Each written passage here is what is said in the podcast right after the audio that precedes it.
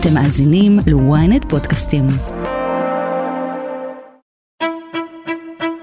השוו פעם את חסך השינה של מתמחים לכמות של אלכוהול, ומצאו שבעצם 2-3 כוסיות אלכוהול זה שווה ערך למה שמרגיש רופא מתמחה בשעה ה-20 שלו.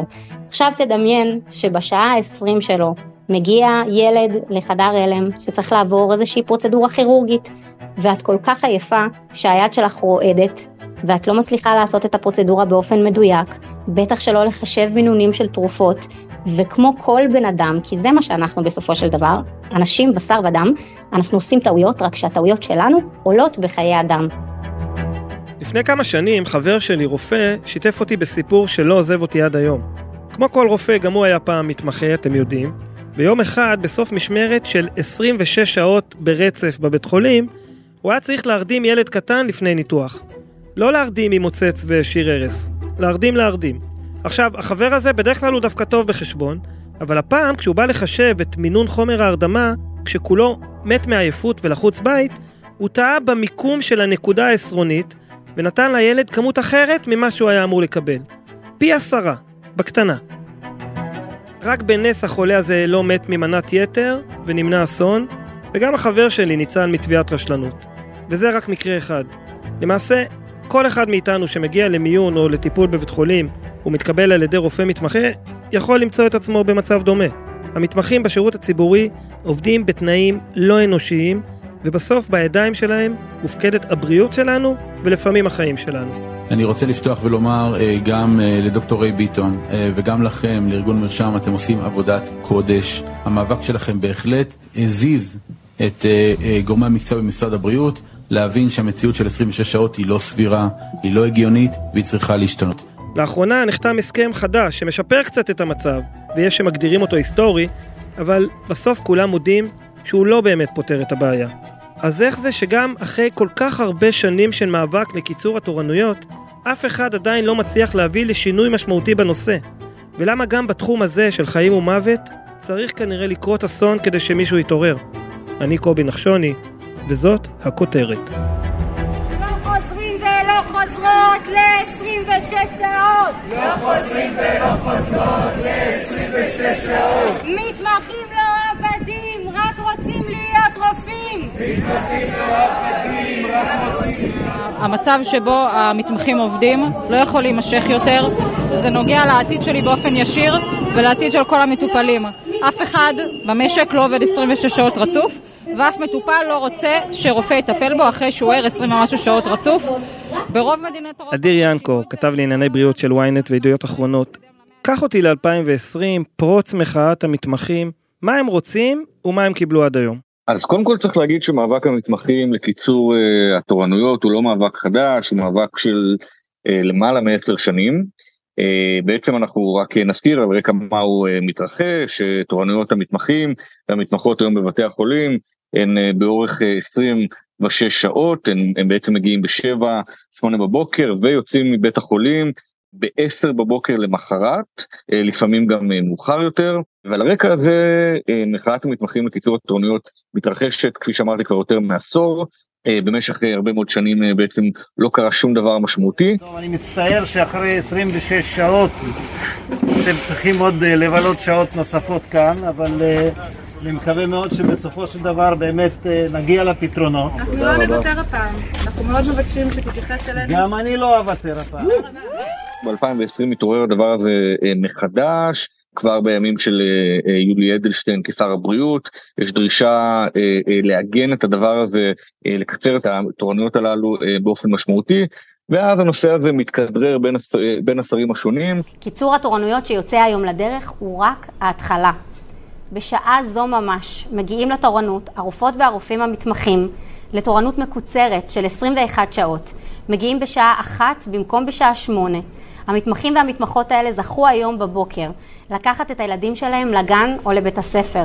זכות שלא הייתה מנת חלקם כמעט מעולם. ובאמת מתחיל המהלך, צריך להגיד, די היסטורי, אבל מצומצם במידותיו של קיצור התורנויות, בעצם אמורים להגיע המתמחים אה, לבתי החולים שנקבעו, צריך להגיד, רק בעשרה בתי חולים, אה, שנקבעו אה, בחלק מהמחלקות בשעה אחת ויצאו בעשר בבוקר, כלומר קיצור של 4 עד 5 שעות בשעות התורנות, וזה מה שקורה היום בעצם.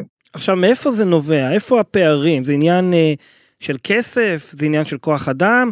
או שזה שיקול בריאותי? כלומר, למה רופא צריך לעבוד משמרת אחת מאוד מאוד ארוכה, שאנחנו בסוף פוגשים אותו עייף, רדום, עפוץ, כשאנחנו מגיעים לבית חולים? מאיפה הפער הזה? אז השאלה המצוינת רק נגיד כאילו שבעבר המשמרות הללו, התורנויות הללו היו ארוכות עוד יותר, היו 32 אה, שעות בעבר, ו-26 שעות לא שזה כמות אה, שעות סבירה אבל אבל היא, היא עוד קצרה לעומת מה שראינו בעבר והתשובה היא קודם כל צריך לעשות הפרדה בין המחלקות הכירורגיות למחלקות שאינן כירורגיות. במחלקות הכירורגיות יש משמעות לכמות ניתוחים שעושים לצורך ההכשרה לצורך ההתמחות.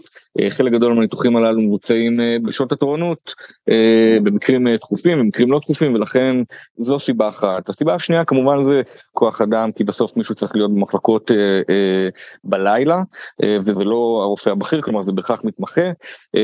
ויש פה עניין של גם שכר כמובן.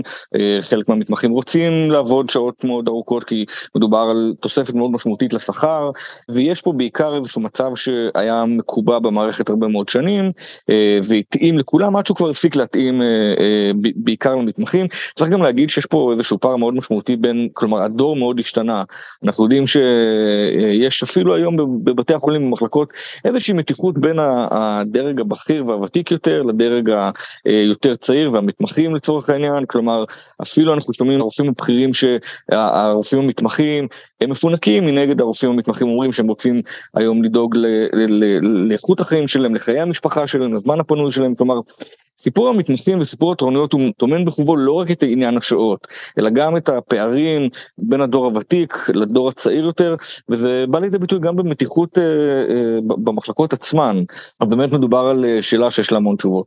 עכשיו במה שונה ההסכם שנחתם בימים האחרונים או שסוכם למה שהגיעו אליו בימי הממשלה הקודמת עם אה, שר הבריאות ניצן הורוביץ? קודם כל צריך להגיד שארגון הארגון שהוביל את המחאה הזו זה ארגון מרשם המתווה שסוכם עליו זה קיצור ל-19 עד 21 שעות מה שבמרשם רצו זה קיצור הרבה יותר משמעותי של בין 16 ל-19 שעות אבל צריך להגיד uh, מה שקורה היום זה מהלך היסטורי אבל הוא מהלך חלקי מאוד הוא קורה רק בעשרה בתי חולים בפריפריה uh, סורוקה העמק ברזילי בתי בתי החולים בנצרת ובתי חולים נוספים ולא בכל המחלקות. כי מה כי שם יש פחות עומס שם יותר קל לעשות את הרפורמה הזו?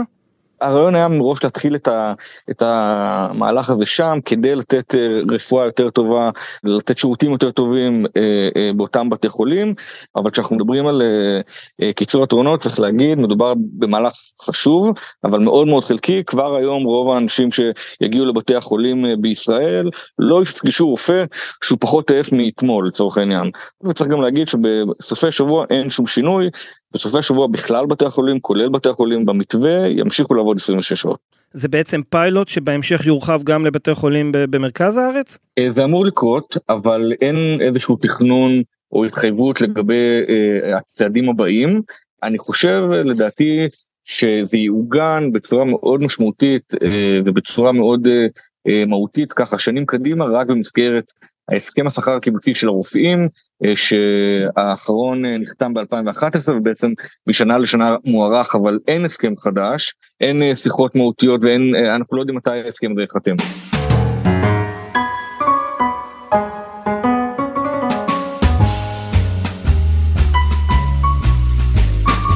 אז איך זה מרגיש להיות רופא בישראל? מתברר שהחוויה לא שונה בהרבה מטירונות קרבית בצבא כולל העניין הזה עם הפזם ויחסי הצעירים ותיקים. תכף תבינו. הודעה קצרה, ומיד חוזרים.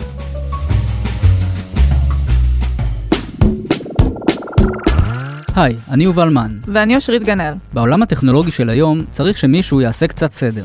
הצטרפו אלינו לרפרש, פודקאסט הטכנולוגיה של ynet. בכל שבוע נדבר על מה שחדש ומעניין בעולם הדיגיטלי. רשתות חברתיות, גאדג'טים, המצאות חדשות, וגם הפוליטיקה של חברות הענק. חפשו רפרש בוויינט או באפליקציית הפודקאסטים שלכם.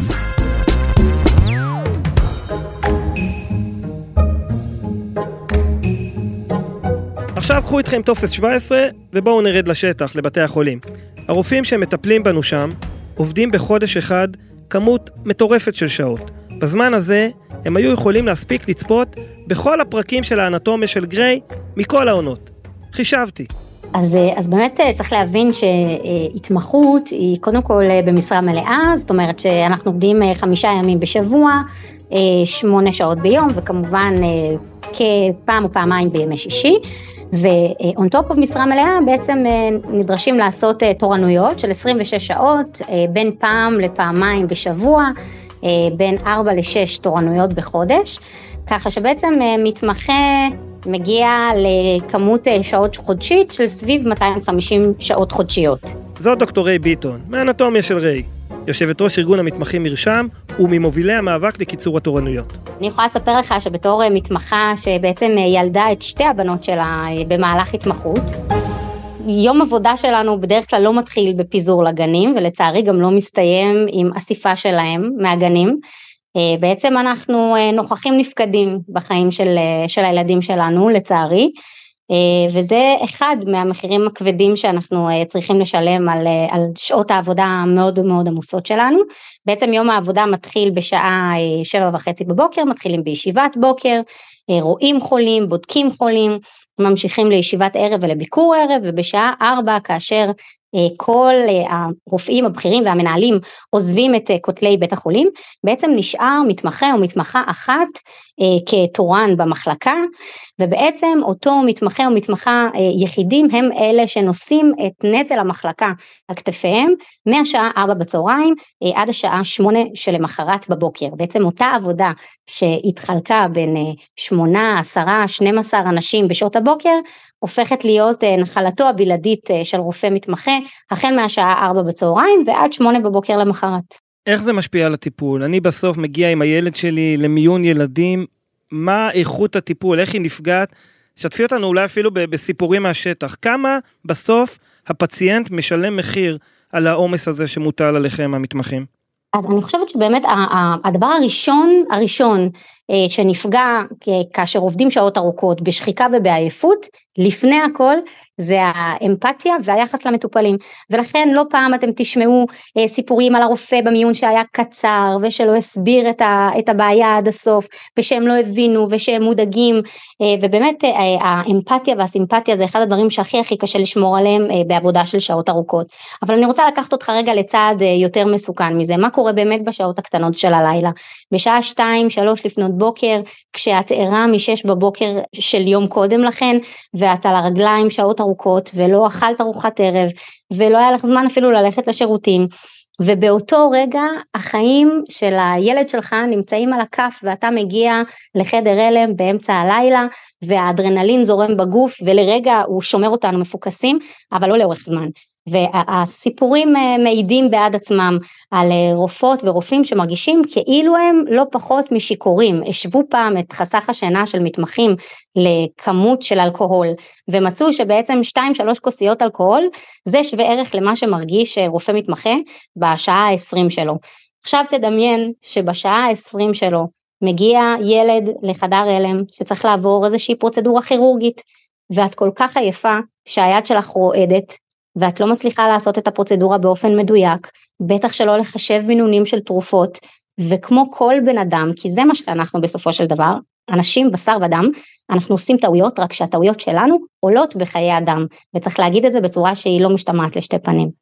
וואו, אז אולי תנסי את להסביר לנו איך המצב הזה, המציאות הזו, מתקיימת כל כך הרבה שנים, למרות מחאות, ולמרות שזה אינטרס משותף של כולם. למה המצב הזה לא משתנה משמעותית?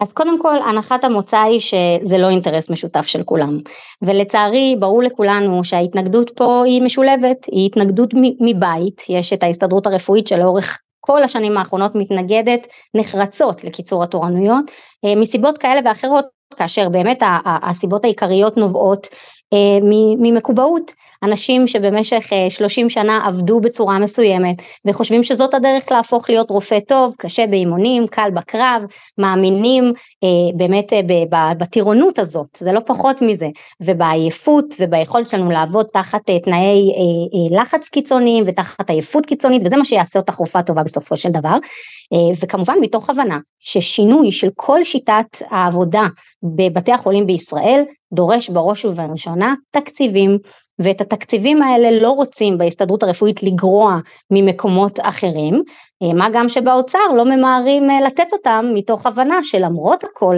הרופאות והרופאים במדינת ישראל מצליחים לתת רפואה בוא נאמר טובה פלוס לעומת אה, חברינו בארצות אחרות למרות הקושי והעומס והתנאים הלא אנושיים. דיברת על מקובעות זה גם עניין נוסף של, של מעמדות של אגו בין ותיקים לצעירים? בוודאי, אתה יודע, העולם הרפואי הוא עולם מאוד מאוד היררכי, אה, זה באמת אה, מתחיל מזה שכסטודנטית כל היום רק אה, חוזרים ואומרים כמה ברת מזל את על זה שהגעת לכאן וכמה יש עוד כל כך הרבה אנשים שהיו רוצים להיות במקום הזה במקומך ואת בעצם גדלה לתוך איזה מחשבה שבעצם סוג של עושים לך טובה על המקום שאת נמצאת בו. ועם הידיעה הזאת את בעצם אה, ממשיכה גם אל הסטאז' וגם, וגם אל ההתמחות כאשר אה, באמת אה, אה, רפואה זה מקצוע שולייתי זה אומר שאת כל הזמן אה, צריכה להיות בצמוד ותחת פיקוח של רופא או רופאה בכירים ממך אה, ובאמת העניין הזה של מעמדות הוא מאוד מאוד אה, משמעותי אה, בחייהם של רופאים מתמחים, כך שאם מנהל או מנהלת המחלקה מביעים התנגדות לרעיון של קיצור תורנויות, או בכלל לשיח על תנאים וזכויות, מאוד מאוד קשה להביע עמדה אחרת, בטח באופן רשמי ונחרץ, שזה מה שחושבים סביבך. כן, אבל המטרה שלהם היא לחשל את הרופאים הצעירים, לגדל דור של רופאים טובים יותר, לא להכשיל אותם, נכון? זה גם את תסכימי. בוודאי, פשוט אה, אני חושבת שצריך להבין, ואולי זה לוקח יותר זמן ממה שחשבנו, שהעולם משתנה ומתקדם, והרופאות והרופאים של היום זה לא הרופאים של פעם. אנחנו רוצים להיות מעורים בחיים של הילדים שלנו, אנחנו מקדשים ערכים כמו משפחה וחיים ו-well-being, והעולם מתקדם וגם הרפואה צריכה להתקדם איתו, ואני חושבת שככל שיקדימו להבין את זה, אה, גם במערכת הרפואית המאוד מאוד היררכית והמיושנת, זה יהיה הרגע שבו תהיה פריצת דרך ובאמת נוכל לשמר את המקצוע המדהים הזה ולהתאים אותו לעת הנוכחית.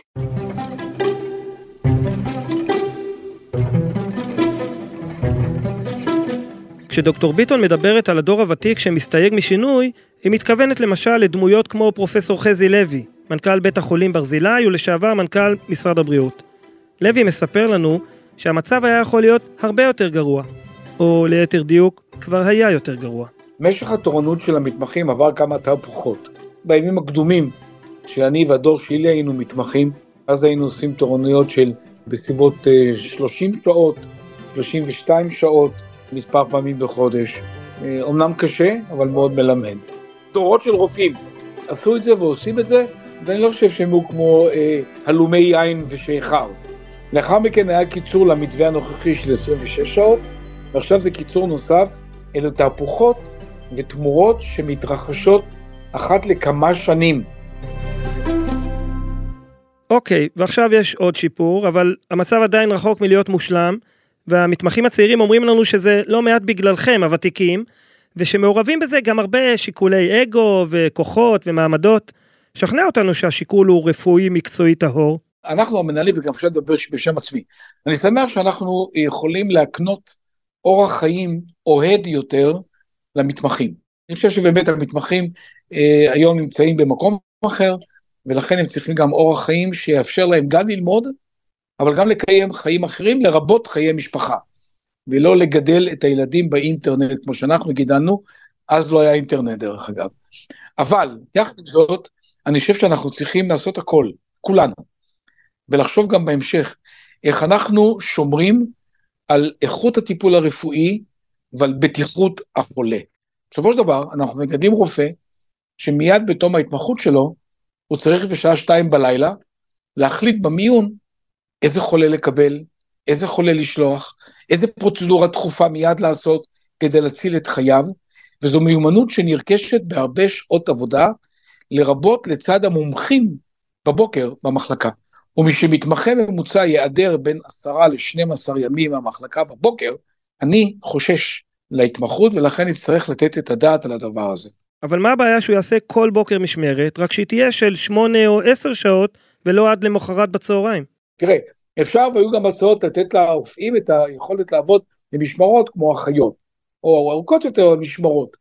אה, יש הרבה מאמרים בעולם גם כן, שמדברות מה קורה לתחלופה גבוהה של רופאים במהלך יממה, ורצף הטיפול והכרת החולים במחלקה ובטיפול נמרץ. אני חושב שלדבר הזה צריך גם לתת את הדעת עד כמה אנחנו יכולים להחליף רופאים על חולה אחד במשך יממה, וכמה הרופא החדש מכיר מספיק את החולה המורכב שהוא מופקד עליו למספר שעות והוא אמור למסור אותו להשגחתו של הרופא הבא. אז לכן צריך לראות את הדבר הזה כמהלך מורכב מאוד, עם הרבה השלכות, הרי ברור שככל שיש יותר שעות מצטבר קושי, מצטברת עייפות, אה, אני חושב שאנחנו לומדים להתמודד איתה במהלך שנות העבודה והתורנות. דיברת מקודם על ההשוואות לעולם, איפה אנחנו באמת נמצאים ביחס למדינות מערביות אחרות?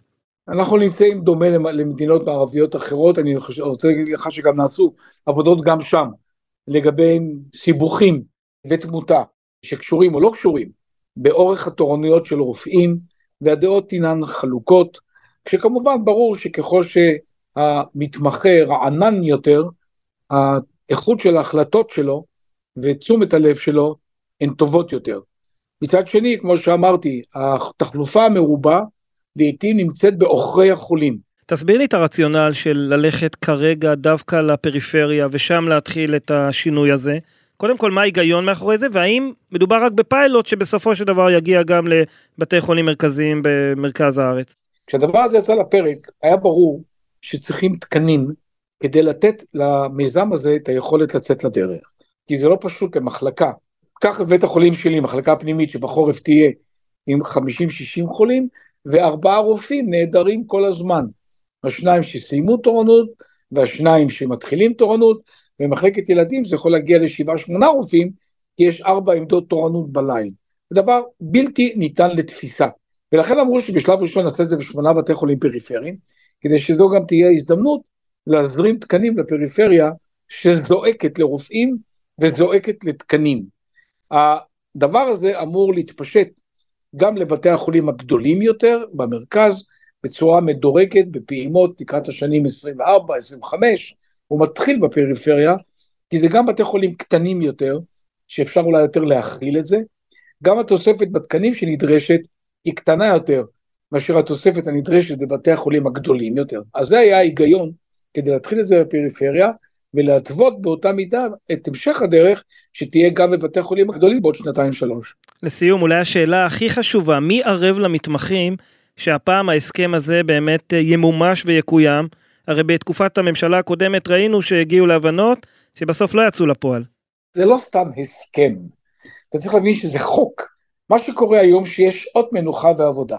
מערכת הבריאות קיבלה החרגה משר העבודה המסורתי, שאמר אנחנו מחריגים את מערכת הבריאות.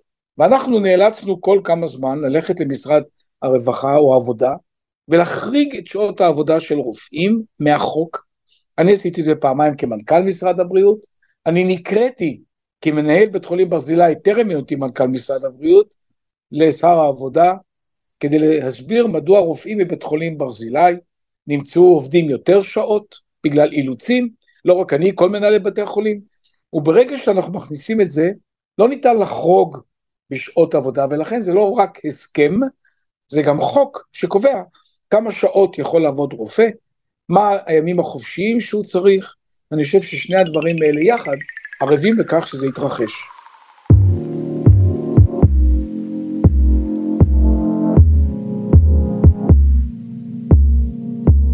בחזרה אלייך, דוקטור ריי ביטון. כתב הבריאות שלנו, אדיר ינקו, טוען שבסופו של דבר השינוי לא יורגש משמעותית, וגם פרופסור חזי לוי מודה שקיצור התורנויות הוא לא כזה דרמטי. אז למה בכל זאת חתמתם? אתם באמת מרוצים מזה? שכנעי אותי שזאת באמת בשורה טובה. אז קודם כל חשוב לומר שאנחנו מדברים על מאבק שנמשך יותר מ-12 שנים. 12 שנים שהמתמחות והמתמחים נאבקים באמת עד טיפת הדם האחרונה לקיצור שעות uh, התורנות שלהם, uh, ובאמת למרות כל האיומים ו- וההתנגדויות ו- וכל התחזיות אימה על פגיעה בהכשרה ופגיעה בשכר ופגיעה ברפואה הציבורית ועוד ועוד, הקיצור הזה שאנחנו אה, עדים לו היום, שקורה ממש היום בפעם הראשונה, הוא לא פחות מרגע היסטורי. ונכון שזה רחוק שנות אור ממה שהובטח וסוכם איתנו אה, לפני שנתיים בעצם, שדיבר על קיצור תורנויות אה, ל-16 שעות פלוס שעתיים מעברה, ועכשיו אנחנו מדברים בעצם על קיצור תורנויות ל-21 שעות, זאת אומרת קיצור של 5 שעות בלבד, ולצערנו גם ההיקף שלו מאוד מצומצם, אנחנו מדברים על תשעה בתי חולים בפריפריה בלבד בשלב הראשון, ורק למקצועות מאוד ספציפיים, כך שבעצם קיצור תורנויות נכון להיום יחול על בין 3 עד 5 אחוז מהמתמחים. נו, אז אולי קנו, אולי קנו אתכם בזול, והבשורה היא לא כזו גדולה כמו שאת מתארת. אז בתור מי שמכירה את המאבק הזה מבפנים אה, כבר שנים ארוכות, אני חושבת ש, שהרגע הזה הוא רגע שאף אחד לא יכל לדמיין שיגיע לפני לא, לא, לא הרבה שנים. ולכן נכון שזה הרבה יותר מצומצם ממה שרצינו וקיווינו, אבל יש פה התחלה, והיא התחלה אמיתית והיא התחלה טובה, ואם מישהו חושב שהמאבק נגמר, אז המאבק רק התחיל. שמנו רגל בדלת, פתחנו איזשהו פתח, ומכאן אנחנו נצטרך כולנו לעבוד מאוד מאוד קשה כדי להרחיב את הקיצור לבתי חולים נוספים, למקצועות נוספים, וכמובן להפוך אותו אה, לקיצור משמעותי יותר אה, גם בשעות העבודה, אבל להמעיט בחשיבות של הרגע הזה, אה, יהיה חבל מאוד, כי מדובר ברגע היסטורי, לא פחות מזה. ועד כאן הכותרת להפעם. ארוך כמעט כמו פרק באנטומיה של גריי, אבל בטח יותר מעניין. תודה לכתבנו אדיר ינקו, לדוקטורי ביטון ולפרופסור חזי לוי.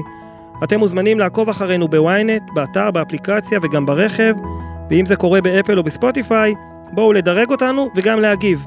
בינתיים אתם מוזמנים להאזין לפרק נוסף שלנו על מי שהציפו בפצועים את בית החולים איכילוב לפני שבועיים, ובטח עשו למתמחים העייפים שבמשמרת חיים עוד יותר קשים. חפשו את הפרק איך המחלוקת באריתריאה הגיעה לתל אביב. איתי בצוות הכותרת שרון קידון, טל זרבי ויוסי פישר. תחקיר, הפקה, עריכה ועבודה של כמעט 26 שעות, גיא סלם ועדן דוידוב. תודה גיא ועדן. אני קובי נחשוני, נשתמע בפרק הבא.